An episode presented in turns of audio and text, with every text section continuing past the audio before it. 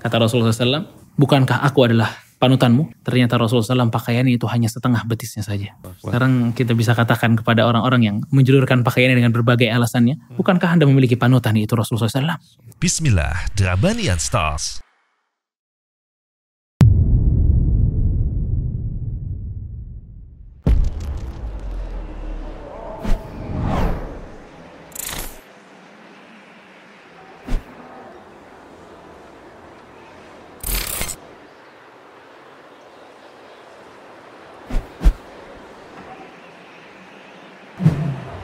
Samase, it's different.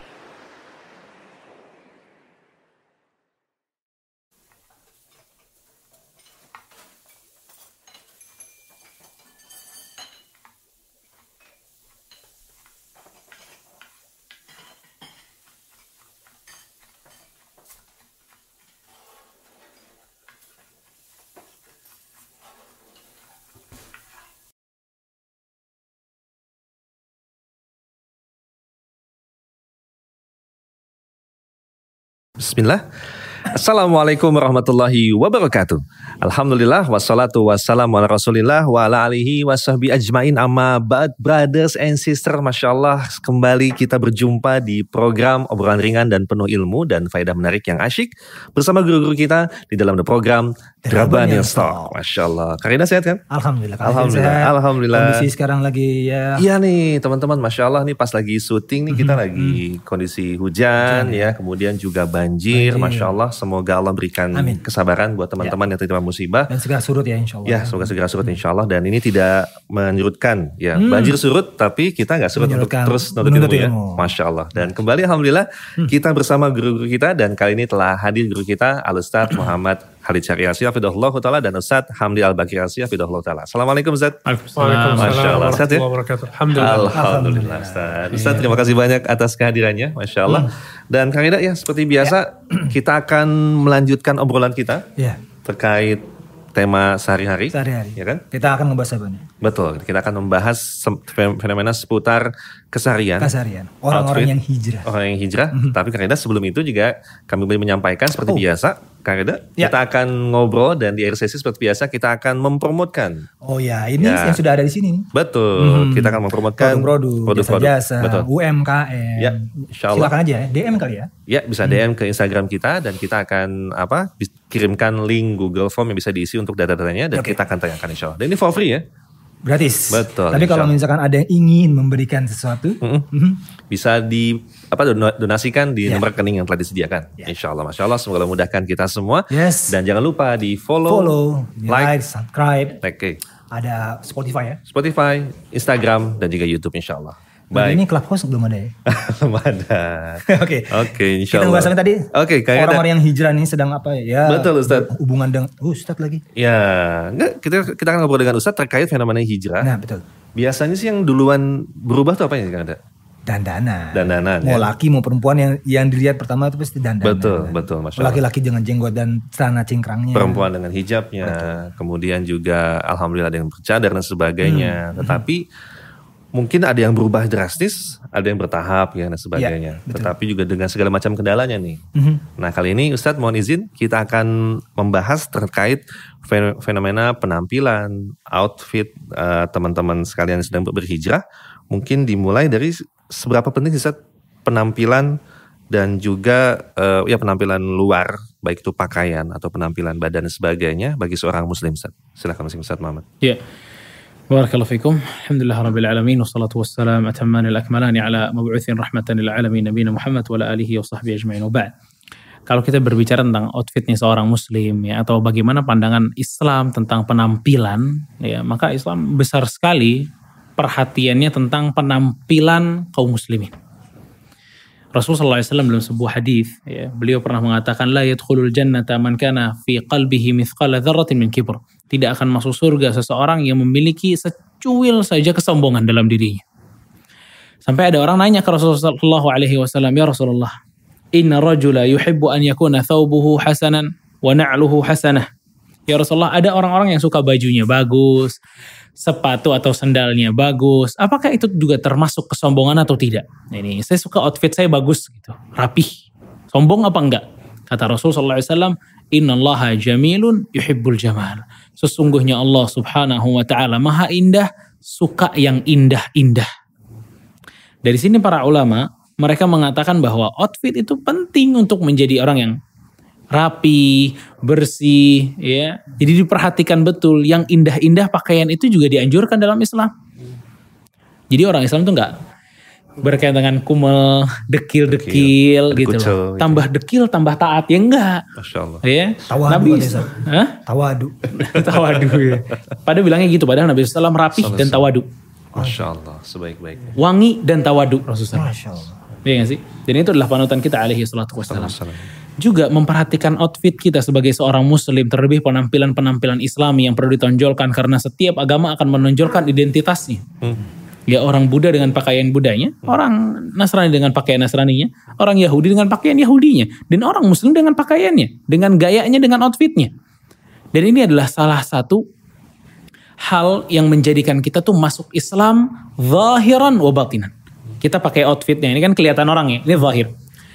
Kita masuk Islam tuh bukan hanya hatinya, tapi luarnya juga masuk Islam. Makanya hal ini masuk dalam firman Allah Subhanahu wa taala dalam surat Al-Baqarah ayat 208.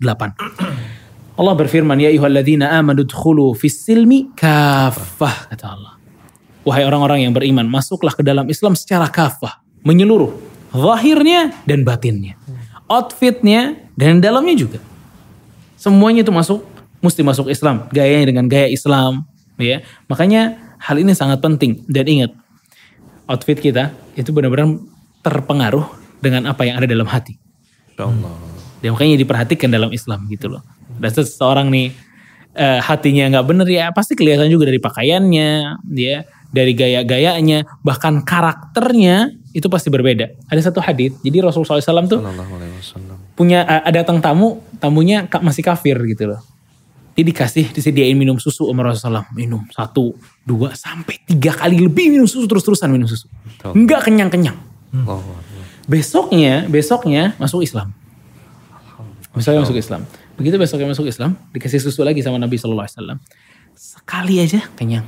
Masya Allah. kata Rasulullah SAW al mu'min yashrabu fi ma'in wahid wal kafir yashrabu fi sab'ati am'a. Kata Rasulullah SAW seorang mukmin tuh kalau minum memang hanya melegakan satu lambungnya saja adapun orang kafir itu tujuh lambung yang dia apa namanya isi gitu loh. Maksudnya pada saat dia beriman berubah semuanya.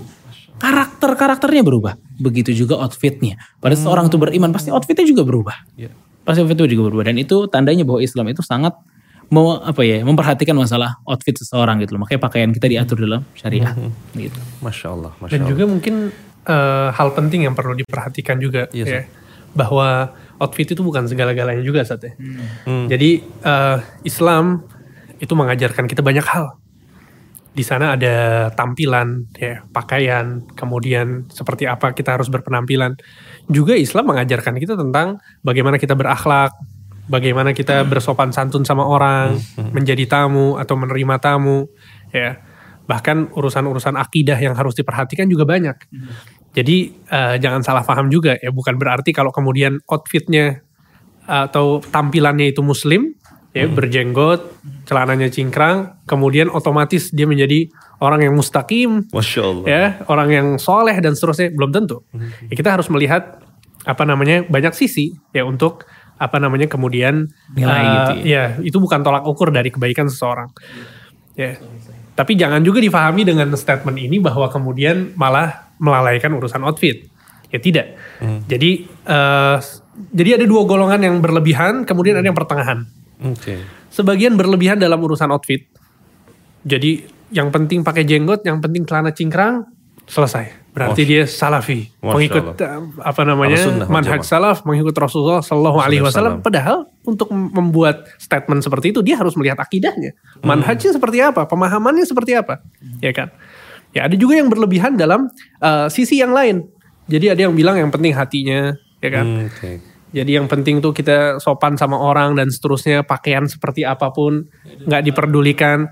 Maka ini nggak benar juga. Jadi kita pertengahan. Kita katakan bahwa seseorang itu sebagaimana yang dijelaskan oleh Ustadz Muhammad berislam secara kafah, zahiran wa batinan. Secara zahir dia mengikuti Rasul, sebagaimana secara batin akidahnya, keyakinannya, sopan santunnya juga mengikuti Rasulullah Shallallahu Alaihi Wasallam.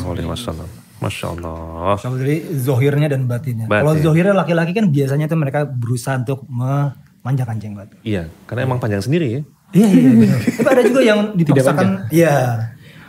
Baik kita sekarang ng- nggak ngomongin yang bagian-bagian yang itu kita Oke. ngomongin hukum jenggotnya Ustaz. Hukum jenggotnya ya kan biasanya kan eh, oke saya ingin memanjakan jenggot. Ada juga yang oh kayaknya kayaknya nggak nggak nggak wajib deh memanjakan jenggot. Hukum jenggotnya itu sendiri sih gimana sih? Kalau kita mau bicara tentang jenggot dalam Islam, maka kita harus merujuk kepada uh, praktek Nabi Muhammad SAW. Dan kalau kita lihat betapa uh, ada banyak hadis yang menjelaskan tentang perintah agar kita membiarkan jenggot kita panjang.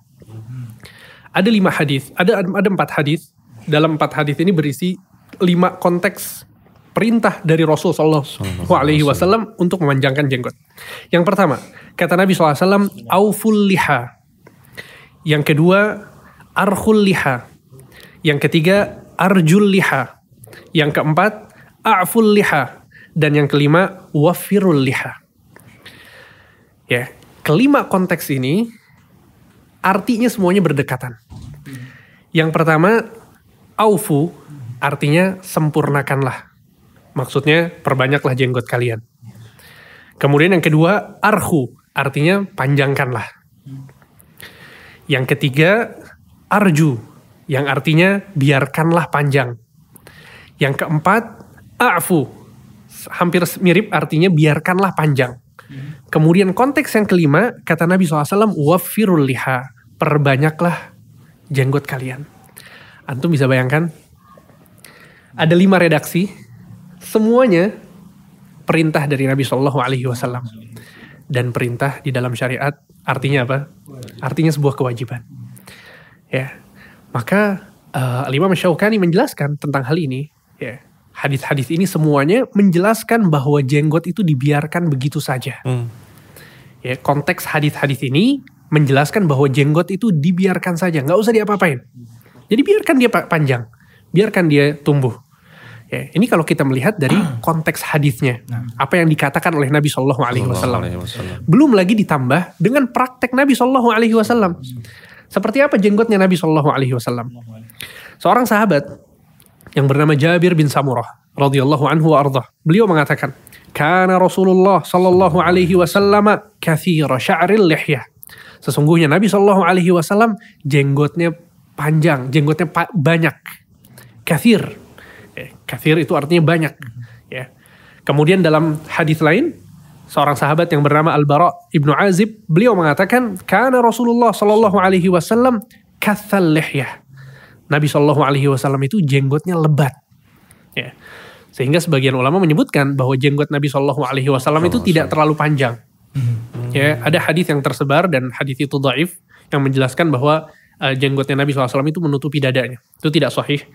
Ya, akan tapi yang sahih adalah yang di- dikatakan oleh Al-Bara ibnu Azib tadi bahwa kathal ya jenggotnya itu tebal. Ya, jenggot itu tebal, berdekatan antara satu helai dengan helai yang lain.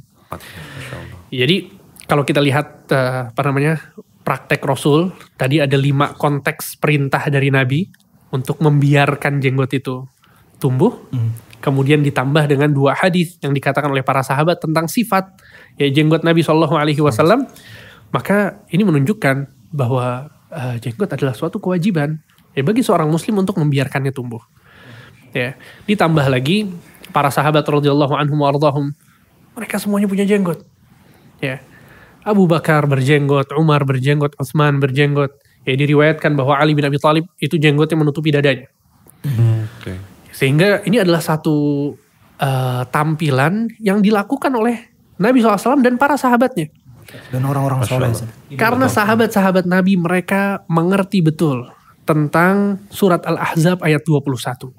Kata Allah Subhanahu wa taala, "Laqad kana lakum fi Rasulillah uswatun hasanah." Pada diri Rasulullah itu terdapat suri tauladan yang baik.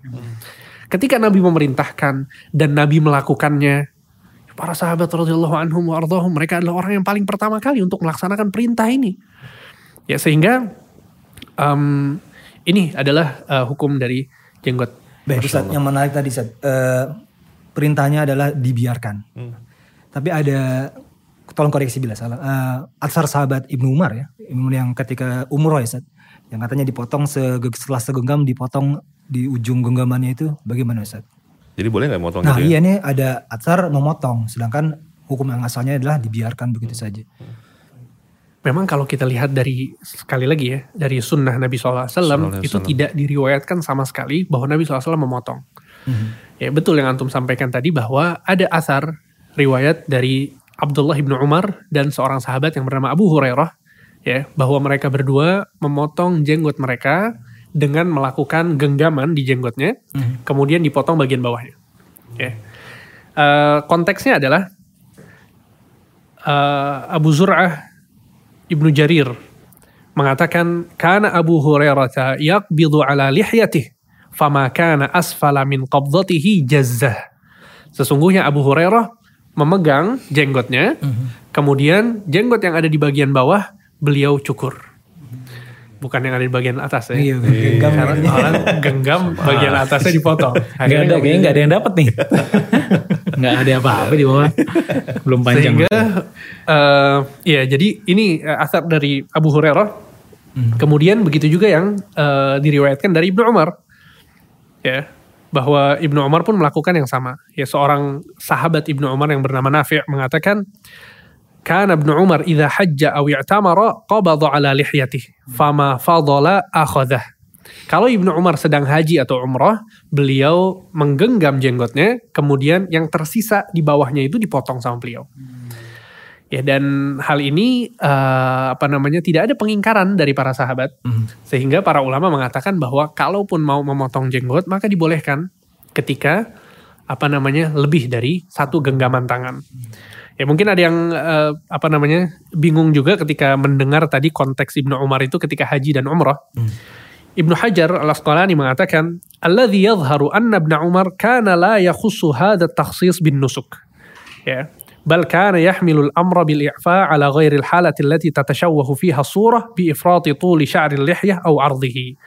Ya, yang zahir dari apa namanya konteks tadi kata Ibnu Hajar al-Asqalani adalah bahwa Ibnu Umar itu tidak mengkhususkan eh, ketika Umroh nusuk, haji. ketika umroh dan haji.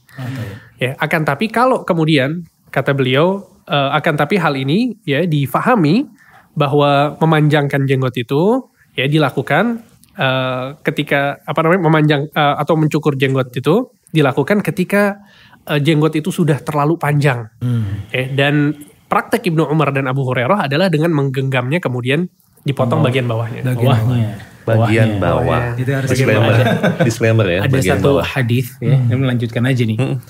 Jadi Rasulullah SAW tuh pernah ngelihat ada dua orang dari anak buahnya Kisra itu datang ke Rasulullah SAW dalam keadaan mereka udah pangkas jenggotnya dia, udah habis. Tapi kumisnya panjang. Allah. Kan banyak tuh kita lihat di sini juga banyak banget kan. Oke. Jenggot nggak ada tapi kumisnya panjang. Rasulullah SAW tuh nggak suka ngelihat dia. Gara-gara gayanya kayak gitu. Kata Rasulullah SAW, man amarakum bihadza. Siapa yang memerintahkan ente gaya kayak begini? Padahal ini orang Kisra bukan Orang Romawi ya. orang Romawi, yakni nggak belum asyhadu alla ilaha illallah asyhadu anna rasulullah. Kata mereka, yang memerintahkan saya adalah Kisra. Pemerintah saya yang memerintahkan seperti ini. Kemudian Rasulullah SAW mengatakan, Inna Rabbi amarani an u'fiya lihyati wa uqassis syaribi. Kata Rasulullah SAW, sesungguhnya Allah memerintahkanku untuk memanjangkan jenggotku dan menipiskan kumisku. Maksudnya nah, sekarang kita perhatiin. Rasulullah SAW tuh ngelihat orang Romawi yang bukan bagian dari dia. Tapi Rasul nggak suka. Terus gimana? Kalau Rasul melihat anda seorang muslim. Tapi nggak ada jenggotnya dipotong-potongin terus. Apa nggak lebih sakit Rasulullah SAW melihat anda seperti itu? Allahu Akbar. Benar gak sih? Orang Kisra aja Rasulullah SAW kesel, nggak suka. Gimana orang muslim yang umat Nabi Muhammad SAW? Allah. Musta'an. Dan subhanallah anak ketika baca-baca apa namanya yang berkaitan dengan jenggot gitu ya. Dalil-dalilnya semuanya dari as-sunnah. Gitu kan. Tapi subhanallah dengan riwayat yang antum sebutin tadi itu Nabi Nabi SAW ternyata diperintahkan oleh Allah untuk memanjangkan jenggot dan apa namanya eh, menipiskan kumis. kumis. Kumis. Ada orang bilang jenggot nggak ada dalam Al-Quran. Ada. Waktu Nabi Musa narik Nabi Harun. Oh, iya. Takut belihyati. Jangan tarik jenggot saya kata Nabi Harun. Berarti semua Nabi juga jenggot. Semua nabi berjenggot. Ajib. Bahkan dalam satu riwayat ketika Nabi SAW ditanya oleh seorang sahabat, ya, atau seorang tabi'in nanya ke seorang sahabat, bagaimana kalian tahu bahwa Nabi SAW itu membaca sesuatu ketika sholat zuhur? Kan sholat zuhur itu kan nggak bersuara, Iya, ya, sir, sir, sir. betul. Maka Abu Hurairah mengatakan, kami melihat jenggotnya Rasul bergerak dari belakang. Lebat banget iya. berarti. Sudah. Iya, Jadi dari belakang tuh jenggot Rasul kelihatan. Gerak-gerak. Iya, kelihatan bergerak gitu. Jadi Allah. Mudah-mudahan uh, jadi masukan buat teman-teman semua. Amin, amin. Ya, Masya jadi Allah. ini Nabi Shallallahu Alaihi Wasallam yang memerintahkannya. Nabi SAW yang melakukannya. Para sahabat radhiyallahu anhum wa yang melakukannya. Jadi jangan malu. Ustaz Syafiq ditanya, Ustaz kan ini Bu Ibnu Umar potong, ini potong tadi. Kata Ustaz Syafiq, Rasul nggak potong. Jadi banyak terus. Kalau dengar tadi ngomong itu lah. Masya Allah Ajib dan bersyukur buat yang numbuh ya. Masya Allah tadi se- sebuah apa yang menimbulkan rasa cinta Iya, iya, pada iya. kita ya. Pengen Masya Allah. banyak mintanya misalnya pakai obat boleh nggak tapi nanti aja. Nanti ya Masya Allah, nanti. Insya Allah. Baik menarik deh. Tadi kan kita lihat setelah Iya, iya, menumbuhkan iya. jenggot ya. Jenggot. Kemudian juga ke pakaian nih. Ah. Nah, Ustaz terkait memanjangkan pakaian di bawah mata kaki Tidak, atau mungkin sebaliknya atau ya. yang yang memendekkan ya ya, dengan, atau dengan mendekannya. cingkrang gitu ya, ya. dengan hukum cingkrang bagi laki-laki itu seperti apa Ustaz? Iya. Barakallahu fikum. Mungkin ini biasa nyebutnya isbal, tidak Iya, isbal. isbal, Kalau isbal itu berarti yang melebihi. Melebihi. Mata kaki. Iya. La isbal La atas ya. isbal. Mata Ghairu isbal. Ghairu isbal itu yang tidak melebihi mata kaki. Masya Ya. Ada satu hadis dari Rasul Shallallahu Alaihi Sallallahu Wasallam ya bahwa Rasul Shallallahu Alaihi Wasallam itu ada seorang sahabat mengatakan kuntu amshi wa alayya burdun ajurruh. Kata dia, aku memiliki satu baju yang melebihi mata kaki, panjang gitu bajunya. Kemudian ada seseorang yang mengatakan irfa' thawbak fa innahu abqa wa anqa. Angkat pakaianmu, yakni sampai di atas mata kaki karena itu lebih awet untukmu dan lebih bersih pakaiannya. pakaiannya. Kemudian fanazor tuh, siapa yang ngomong gitu loh. Pas aku lihat ternyata itu adalah Rasul Shallallahu Alaihi Wasallam. Ya. Akhirnya aku bilang kepada Rasulullah SAW, sesungguhnya ini baju yang bagus gitu loh. Kalau dipotong, jadinya takutnya jelek. Akhirnya gitu. Kata Rasulullah SAW, bukankah aku adalah panutanmu? Fanazor tuh kata dia. Maka aku pun melihat ternyata Rasulullah SAW pakaiannya itu hanya setengah betisnya saja. Masya Allah. Masya Allah. Sekarang kita bisa katakan kepada orang-orang yang menjulurkan pakaiannya dengan berbagai alasannya, bukankah anda memiliki panutan yaitu Rasulullah SAW? Rasul Shallallahu Alaihi Wasallam pakaiannya cuma segitu. Bahkan dalam hadis-hadis yang lain Rasul Shallallahu Alaihi Wasallam mengatakan apa? Ma asfala minal ka'baini minal izar fahuwa finnar.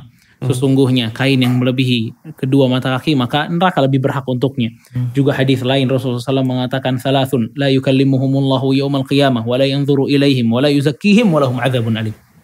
Kata Rasulullah SAW, ada tiga golongan ya nanti di hari kiamat tidak akan dilihat oleh Allah, ya tidak akan diajak, eh, tidak disucikan oleh Allah dan mereka mendapatkan azab yang pedih. Salah satunya apa?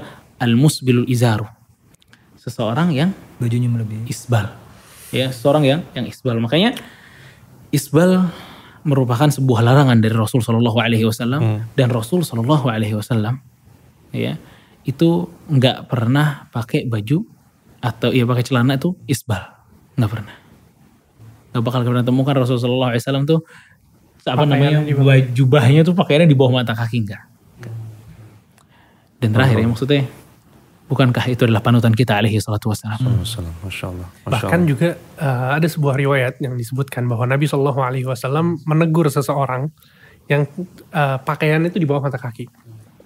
Maka ketika Nabi SAW tegur, dia mengatakan bahwa wahai Rasulullah, sungguhnya kakiku ini tidak seperti kebi- kebanyakan orang. Ya, kemudian uh, tastok kuruk batai kata beliau. Kata orang ini antara kedua lututku ini saling apa namanya nempel. Kayak X gitu ya. Betul. Jadi nggak bagus kakinya menurut orang ini. Maka Nabi SAW mengatakan irfa izarak fa inna kulla khalqillahi hasan. Angkat pakaianmu sesungguhnya seluruh ciptaan Allah itu bagus. Kemudian perawi hadis menyebutkan maka kita melihat orang yang ditegur Nabi tersebut dia meninggal dalam keadaan pakaiannya setengah betisnya. Masya Allah. Allah Masya Allah. Jadi orang ini betul-betul mengambil nasihat Nabi Shallallahu Alaihi Wasallam. Wasallam. Karena alasan ini klasik ya, banyak di eh, apa namanya dijadikan alasan juga oleh orang-orang gitu loh. Iya. Bahwa kenapa nggak mau angkat pakaiannya karena nggak pantas. Karena kelihatan jelek, kelihatan nggak bagus. Ya, maka Nabi SAW yang membantah statement ini. Nabi SAW yang mengatakan bahwa irfa izarak fa inna kulla khalqillahi hasan. Angkat pakaianmu sesungguhnya seluruh ciptaan Allah itu indah. Ini jelek banget ya. Semua ciptaan Allah itu indah ya. Mhm. Nggak ada alasan berjenggot khawatir nggak rapi, kelihatan jelek, Iya. nggak nggak ada alasan untuk apa namanya eh, men- apa isbal isbal itu kan? Iya, ada juga alasan-alasan klasik tuh. iya betul. Kayak kan saya nggak sombong. Oh iya Ustaz. Klasik banget ya, Ustaz. Maksudnya- Terkait larangan isbal tuh dilarang kalau sombong gitu. Berarti kalau nggak sombong boleh dong. Ini gimana sih? itu sombong juga tuh begitu tuh. Sengaja gitu adanya. kan mau sombong. Ini gimana Ustaz? Iya udah. Orang biasanya kalau kasih tahu malah nyolot ya. Iya. Aku sombong. Jadi sombong. Nah, sebenarnya di sini ada dua pendapat di antara para ulama. Yang pertama, pokoknya kita mesti paham pertama. Isbal dengan sombong itu dosa besar. Isbal dengan sombong itu adalah dosa besar. Isbal tanpa sombong. Oke, di sini ada dua pendapat ulama. Pendapat pertama adalah makruh. Makruh. Kalau makruh berarti milih apa? Jangan pilih yang Tinggal makruh, nggak terus tinggal gampang-gampangan gitu loh. Tetap aja para ulama yang mengatakan itu makruh, mereka nggak terus isbal-isbalan gitu. Pendapat yang kedua haram secara mutlak. Dan pendapat kedua ini adalah pendapat mulai dari Imam Zahabi, kemudian Ibnu Arabi, Al-Qadhi, kemudian eh, apa namanya Syekhul Islam, salah satu pendapat Syekhul Islam Ibnu Taimiyah rahimahullahu taala dan pendapat yang zahir dari pendapatnya Ibnu Hajar Al-Asqalani rahimahullahu taala dan pendapat Syekh Ibnu Utsaimin, Syekh Ibnu Baz dan Syekh Al-Albani rahimahullahu taala. Nah, kalau kita lihat pendapat-pendapat mereka yang kedua ini ya sangat banyak dalilnya dan jelas ya dan jelas sebagaimana ya apa ya hadis yang biasa dibawakan ya Abu Bakar tuh pernah isbal depan Rasul SAW. Oke. Oke. Riwayat itu ya. Yaudah sekarang kita lihat riwayatnya ahlan wasahlan. Bener nggak sih Abu Bakar tuh pernah isbal di hadapan Rasul SAW? Mereka poin dalil itu Ustaz ya. Iya, kan Abu Bakar boleh gitu kan. Ternyata Abu Bakar radhiyallahu taala anhu ya datang kepada Rasul SAW dalam keadaan apa sarungnya itu melorot terus karena karena dia kurus. Sarungnya melorot mulu karena dia kurus. Sampai datang kepada Nabi Shallallahu Alaihi Wasallam ya Rasulullah ini melorot melulu gitu loh kata Bakar. Dan Rasulullah SAW mengatakan lasta mimman yasna'uhul khuyala. Engkau bukanlah orang yang memakai pakaian isbal dengan maksud sombong. Ya kan? Tapi kalau kita lihat lagi hadis ini, berarti Abu Bakar tuh memakai pakaian isbal itu sengaja apa nggak sengaja? Nggak sengaja. Iya nggak sengaja. Malah ditahan ya Ustaz ya. Malah takut gitu loh. Ya Rasulullah nih, saya udah nahan-nahan tapi tetap ntar dia melorot lagi, isbal lagi, isbal lagi. Berarti dasarnya nggak pakai pakaian isbal dan nggak sengaja. Nah kalau anda sengaja, terus anda bilang anda seperti Abu Bakar alasannya. ya Allah. Beda, Abu Bakar nggak sengaja. Iya, iya, iya. Abu Bakar nggak sengaja, maka panik maka Abu Bakar kala itu panik gitu loh. Dan ada satu hadis yang menjelaskan riwayat Abu Dawud yang menjelaskan bahwa isbal dan sombong itu memang sulit untuk dipisahkan ternyata. Karena dalam satu hadis ini Rasulullah SAW mengatakan iya wa isbal al izar fa innaha minal makhilati wa inna Allah la yuhibbul makhilah. Kata Rasul Shallallahu Alaihi Wasallam, hati-hati terhadap isbal karena isbal itu adalah kesombongan. Isbah itu adalah kesombongan. Ini mubtada wa khabar. Eh, apa namanya ini kabar, kabarnya tuh sombong gitu loh. Kabar dari kalimat hati-hati dengan isbal karena isbal, itu adalah sombong. Ini kabar dari kalimat isbal. Masya Allah. Masya Allah. Ya. Kabar. Dan Allah Subhanahu wa taala tidak menyukai yang eh, sombong. Dan begitu juga pendapat dari Al-Hafidz Ibnu Hajar rahimahullah taala dalam Fathul Bari. Beliau mengatakan hadis-hadis yang menunjukkan bahwa isbal karena sombong itu adalah dosa besar. Dan hadis-hadis yang menunjukkan isbal tanpa sombong maka zahirnya adalah haram. Tetap haram. Berarti kalau nggak pakai sombong haram, pakai sombong ya lebih dosa lagi gitu loh. Masya Allah. Dan ya akhi halas, susahnya apa? Iya. Naikin beres. Oke, salah satu caranya mungkin ada yang mengatakan oke digulung aja lah gitu kan Ustaz ya. Hmm. Digulung. Bahkan juga sebagian saudara-saudara kita tuh kalau mau sholat tuh kita perhatikan tuh mereka tahu tuh. Gak enak sholat, kali ya. Iya, kalau sholat ya kayak gak sopan gitu kalau sholat. Nah, dia kayak ngerti Iya tuh kan? nggak boleh nih nutupin mata kaki, digulung ya kan, digulung. Selesai sholat, assalamualaikum, assalamualaikum, lepas lagi tuh gulungannya. lagi, iya. Nah, gimana nih yang hukumnya digulung dan Kalau- juga kalau tidak isbal digulung aja. Kalau eh, menggulung celana dalam sholat, ya, memang bagusnya ini dihindarkan karena ini makruh kata para ulama. Makruh, menggulung Ya. celana dalam sholat. Menggulung celana dalam sholat. Ya. Adapun di luar sholat maka boleh-boleh aja, boleh-boleh aja. Tapi kalau anda apa namanya menggulung pakaian, ya untuk dalam rangka menjauh dari isbal, maka asan dipotong. Kenapa asan dipotong? Biar nggak ada setan yang masuk ngegoda-godain. Iya, Karena itu gampang banget kalau ente gulung kan gampang banget. Setan datang lu kependekan nih kan setan. Lu gituin lagi digituin lagi ya enggak. Jadi kan kegoda kan. Tapi kalau udah dipotong selesai. Selesai. Dan nggak ada nggak ada hukum makruh ketika sholat ya. sih? Nggak ada, hilang gitu juga. Jadi, Ya potong aja sih. Afdol iya, afdol potong. Allah. Dan menariknya tadi yang antum paparkan itu berarti para ulama itu sepakat bahwa yang terbaik adalah di atas mata kaki. Atas kaki. Jadi nggak ada khilaf itu. Nggak ada yang sepa afdol, afdol. Afdal, semuanya kan menganjurkannya seperti itu para ulama. Betul wallah. Jadi, Wah, kenapa- benar-benar. Iya, Itu maksudnya sekarang Nabi Shallallahu Alaihi Wasallam setengah betis tadi. Kemudian para ulama khilafnya itu untuk masalah sombong dan tidak sombong. Apa namanya? Ketika dia di bawah mata kaki dan apakah itu sombong atau tidak. Tapi semuanya sepakat bahwa kalau di atas mata kaki itu yang lebih afdol. betul. Sama seperti Nabi dan para sahabatnya. Ya. Dan tidak ada para ulama yang menganjurkan untuk isbal. Nggak ada. ya? Nggak ada. Kata ulama isbal lah kalian nggak ada. Insya Allah. Ingat awal-awal ngaji, Eh, ya kan. Mau ke masjid, gulung, gulung, gulung, gulung, ya kan. Ustadz pulang, turunin, turunin, turunin. Iya. Ngapain juga gue lagi. Potong sekalian gitu. Halo, Masya Allah. Tapi emang banyak tantangannya sih, Ya. kan ada. Tantangan paling terdepan biasanya apa? Iya. Keluarga. Iya. Istri. Ya kan, wah kamu tuh lebih ganteng pakai Iya. istana cut beraya aja kayak biasa gitu. Zaman nasi cut beraya. Jadul banget ya. Kayak kelamaan dah. Ya kan, istri protes, ya kan, ibu ayah. Tiba-tiba jadi dibilang berantakan dengan jenggotnya. Hmm. Tentang jenggot, tentang tampilan ini gimana Seth? Ya. Tentang tantangan Menghadapi tantangan Keluarga. keluarga. Sebenarnya sebenarnya sih Nah saranin banget ya untuk yang lain tuh bisa ngeliat banyak banget video-video nasihat dari para asatidz tentang masalah ini. Gimana kalau keluarga nih apa ya nggak welcome sama perubahan kita. Hmm, Tapi Syekh Sulaiman pernah bilang biasakan edukasi sebelum action. Masya Allah. Biasakan edukasi sebelum action. Jadi nggak kaget. Ibu bapak tuh nggak kaget. Hmm. Iya nggak sih? Pada saat kita udah bulat nih, gue kayaknya nggak mau isbal lagi deh. Kasih tahu orang tua, mah nih ada hadis ini. Jadi kayaknya aku nggak nggak berani isbal lagi gitu loh. Mah ada hadis ini tentang jenggot, makanya aku nggak berani potong jenggot lagi misalnya. Nah, edukasi kasih. Jadi orang tuanya nggak datang-datang ente udah jenggotan, udah cingkrang. Ngapa nih anak nih? Ya kan bingung orang tuanya. Iya kan? Bingung banget. Nah makanya hal itu perlu diedukasi gitu loh. Dan untuk orang tua, apakah anda nggak bangga anak anda mengikuti Rasulullah SAW? Sallallahu alaihi Apakah anda nggak bangga bahwa anak anda itu jenggotan karena mengikuti nabinya alaihi salatu wassalam? Apakah anda tidak bangga bahwa anak anda itu tidak isbal demi mengikuti Rasulullah SAW? Luar biasa. Dan sekarang banyak orang isbal ngikutin orang kufar. Kufar kan sekarang pada Iya. nggak isbal ya. Betul, betul, betul. Pada nggak isbal. Tren ya. Makanya hati-hati tuh. Yang jenggotan hati-hati, yang nggak isbal hati-hati. Niatnya buat apa? Ah, Oke. Kalau niatnya buat ganteng-gantengan ntar pahalanya hilang. Ya Allah. Padahal kalau dia mengharap pahala gantengnya nggak hilang. Issalam. Iya gak sih? Tetap aja ada. Begitu juga dengan tidak Mungkin yang isbalnya. dikhawatirkan eh, contoh-contoh yang di ada itu ya mungkin ada yang pengeboman sana sini dikhawatirkan ke Bener, sana. Betul. Betul. Makanya dijelasin tadi outfit tuh doang tuh nggak nggak terus jadi tolak ukur gitu. Oke.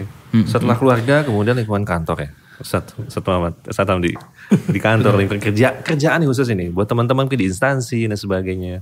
Ustaz mungkin ada nasihat Ustaz terkait Iya. kesulitan dalam melaksanakan hal ini. Bukan kesulitan ya, kekhawatiran, sebetulnya. Eh, yang pertama bahwa eh, tunjukkan Hmm. bahwa kita itu orang yang profesional dalam bekerja. Biasanya ini apa ya eh, akan mengambil hati atasan kita Ya. ketika kita bekerja. Nah, betapa banyak gitu ya, betapa banyak ya, dari cerita teman-teman yang mereka dalam keadaan berjenggot, dalam keadaan celana cingkrang, tapi pekerjaannya terus berlanjut Profesional dia. karena nggak bisa dilepas orangnya sama bosnya. Bos sayang bosnya udah. Sayang. Diperlukan. Dia sangat profesional dalam bekerja gitu loh. Nah. Jadi maksudnya ini harus diperhatikan juga. Jangan terus udah pakai jenggot, celana cingkrang, masuk kantornya telat mulu tiap hari. Ya Allah Allah. sahih. Ya kan males-malesan kerjanya. Jangan disalahin jenggot sama celana cingkrangnya. Tentu Sehingga- jiwanya dia. Sehingga maksudnya adalah tunjukkan bahwa kita itu profesional dalam apa namanya pekerjaan kita. Ya. Sambil kemudian kalau bisa dijelaskan kepada bosnya, sebagaimana yang tadi dijelaskannya, perlu edukasi memang, perlu dikasih tahu ke orang gitu loh. Kenapa saya ini bisa berubah seperti ini tampilannya? Perlu dikasih tahu. Dan kalau kita bicara tentang masalah apa namanya eh, larangan-larangan dalam Islam, ya, maka ini nggak bisa dibenturkan dengan perintah siapa pun. Ketika ada orang tua menyuruh kita untuk bermaksiat kepada Allah, maka kita nggak boleh taat kepada orang tua kita. Ketika ada pimpinan kita memerintahkan kita untuk melakukan satu hal yang dilarang oleh Nabi, maka kita nggak boleh taat kepadanya.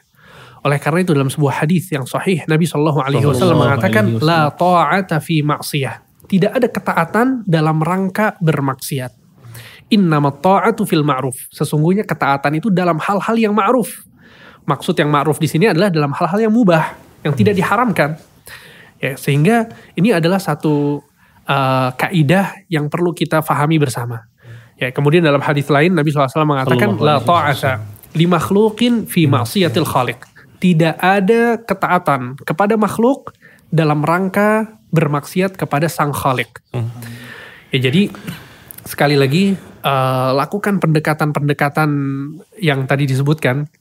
Ya semoga itu bisa apa namanya membantu ikhwan sekalian. Akan tapi sekali lagi kaidahnya adalah nggak mungkin kita bermaksiat kepada Allah ya berdasarkan eh, perintah dari atasan, orang tua atau siapa pun dia. Ya, sehingga sering kali ya sering kali hal-hal semacam ini ya masalah-masalah semacam ini itu diselesaikan dengan akhlak yang baik. Masya Allah. Ya, sering sekali, ya, khususnya mungkin dalam urusan ranah uh, keluarga, yang tadi dijelaskan. Benar. Ya, ketika anaknya jenggotan, kemudian celananya cingkrang, tapi ternyata lebih bakti lagi sama orang Ya tuanya, Allah. suka ngasih hadiah ke saudara-saudaranya, sering silaturahmi, itu akan termaafkan hal-hal seperti itu. Iya, Sekali ngasih 10 juta, 10 juta. Udah insya Allah jenggotan sepanjang apa ya, masih santai ibunya. Kayak yang lain, udah kamu jenggotan juga dong. Masya Allah. Eda luar biasa. Ini yang kerja di sini jenggotan semua. Masya Allah. Cingkrang-cingkrang juga. Dan profesional semua. Masya Allah. Masya Allah. Allah mubarik. Dan edukasi saat ya. Tadi Edukasi. edukasi, kasih ini anak lama merantau ya kan, gak edukasi pulang-pulang botak, jenggotan, pakai gamis ya kan, pakai. Ya Allah anakku kenapa nih gitu kan? Allah. Itu botaknya bukan sunnah ya. Waduh. Masya Allah. Habis umroh kali. Dan ini saja menarik tentang outfit tadi kan yang penting gak isbah ya. Pakainya apa pun yang penting rapi dan profesional kan saja. Gak mungkin juga ke kantor pakai gamis ya kan? Atau polisi tiba-tiba pakai sarungan Bisa kan sih, mungkin. kantornya Roja tapi. Eh, Masya Allah. Masya Allah paling bisa nih Masya Allah. Take lighting. Saat terima kasih saatnya Masya Allah. Jazakumullah khair. Dan terkait outfit juga kita bisa membuktikan bahwa tampil sesuai syari itu tetap, tetap kelihatan syari dan elegan ya. Kayak sama sih kita pakai saat. Kalau saya boleh ngomong nggak? Gak boleh. Masya Allah teman sekalian terima kasih banyak Ustadz Dan ini kita menggunakan outfit dari Samase ini Masya Allah. Allah ber, ber- apa terima kasih banyak atas eh, supportnya Masya Allah nih kelihatan ada ada kemko yang kita pakai kemudian juga ada kurta apa koku dan sebagainya dari mulai sir, sirwal juga ada ini membuktikan bahwa tampil syari tetap kelihatan asik kok ya Masya Allah. Terima kasih banyak dan bisa dilihat di Instagram Samase memiliki 50 lebih cabang di seluruh Indonesia. Kemudian juga ada Samase Home Bandung khusus untuk limited edition yang nggak dijual online Masya Allah. Terima kasih banyak dan silakan kepoin Instagramnya dan silakan bisa order di sana Masya Allah. Dan juga semoga memudahkan kita ya Masya Allah. Kak Reda. dan, Dan, juga sekarang ada nih. Oke. Cemilan kita bukan cemilan nih agak Uh, berat nih berat nih, Masya Allah.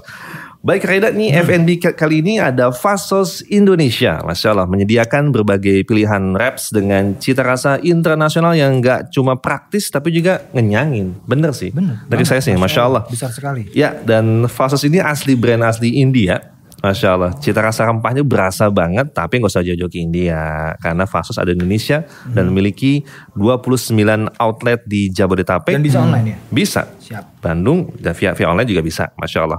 Ini cocok buat kamu yang sibuk kerja, nggak mau lagi repot masak, tinggal Reda ya, masya Allah tinggal lihat aja. Dan semua variannya sudah terjamin bersih, aman, dan yang pasti semua produk Fasos dijamin halal, insya Allah. Variannya Kak Reda, ini ada seri cheese, keju ya, kemudian juga ada cheese melt beef kebab. Ada melt chicken juga tuh ya. Betul, ada melt chicken wrap juga. Kemudian ada cheesy beef overload wrap. Jadi double keju, daging burger, daging kebab, sayuran yang menggugah selera para pecinta keju. Masya Allah. War. Wareknya. Warak. Sebeh. Masya Allah. Dan yang terpenting juga, Fast Indonesia menawarkan harga spesial bagi yang ingin memesan dalam jumlah panjang. Masya Allah. Yang mau arisan boleh, ya kan. Mau ada acara-acara kumpul keluarga boleh. Tinggal, tinggal hubungi aja. Silahkan langsung cek dan follow akun Instagramnya di fasos.indonesia. Dan jangan lupa pesan ya. Fast Food Indonesia, eat good, eat exciting. Allah Zen, Allahu Akbar, Masya Allah. Masya Allah. Kita akan akhiri karena akan langsung mencoba ya. Masya Allah. Tapi sebelum itu kita akan coba. Terima Mungkin kasih banyak. punya juga nih produk-produk yang mungkin produk sama juga nggak masalah ya. Boleh, nggak masalah, masalah. Makanan, minuman, jasa. Betul. Ya, jasa. Silakan. Mhm. Jasa juga boleh. Silakan kirimkan info kamu di ke DM Instagram kita. Kita akan promokan di sini, masya Nanti Allah. dikasih form tinggal diisi. Betul sekali. Terima kasih Gratis. banyak ya, masya Allah, teman-teman sekalian. Jazakumullah khair. Semoga Allah mudahkan kita untuk bisa kembali berjumpa di episode yang akan datang. Amin. Insya Allah dan jangan lupa follow, like, share, and save di Instagram, YouTube, YouTube, dan juga di Spotify. Insya Allah. Baik dan kita akan akhiri. Nah. Wassalamualaikum Muhammadin wa ala alihi wassalam. Wassalamualaikum warahmatullahi wabarakatuh. Waalaikumsalam. Waalaikumsalam warahmatullahi wabarakatuh. Silakan Ustaz. Masya Allah. Masya Allah.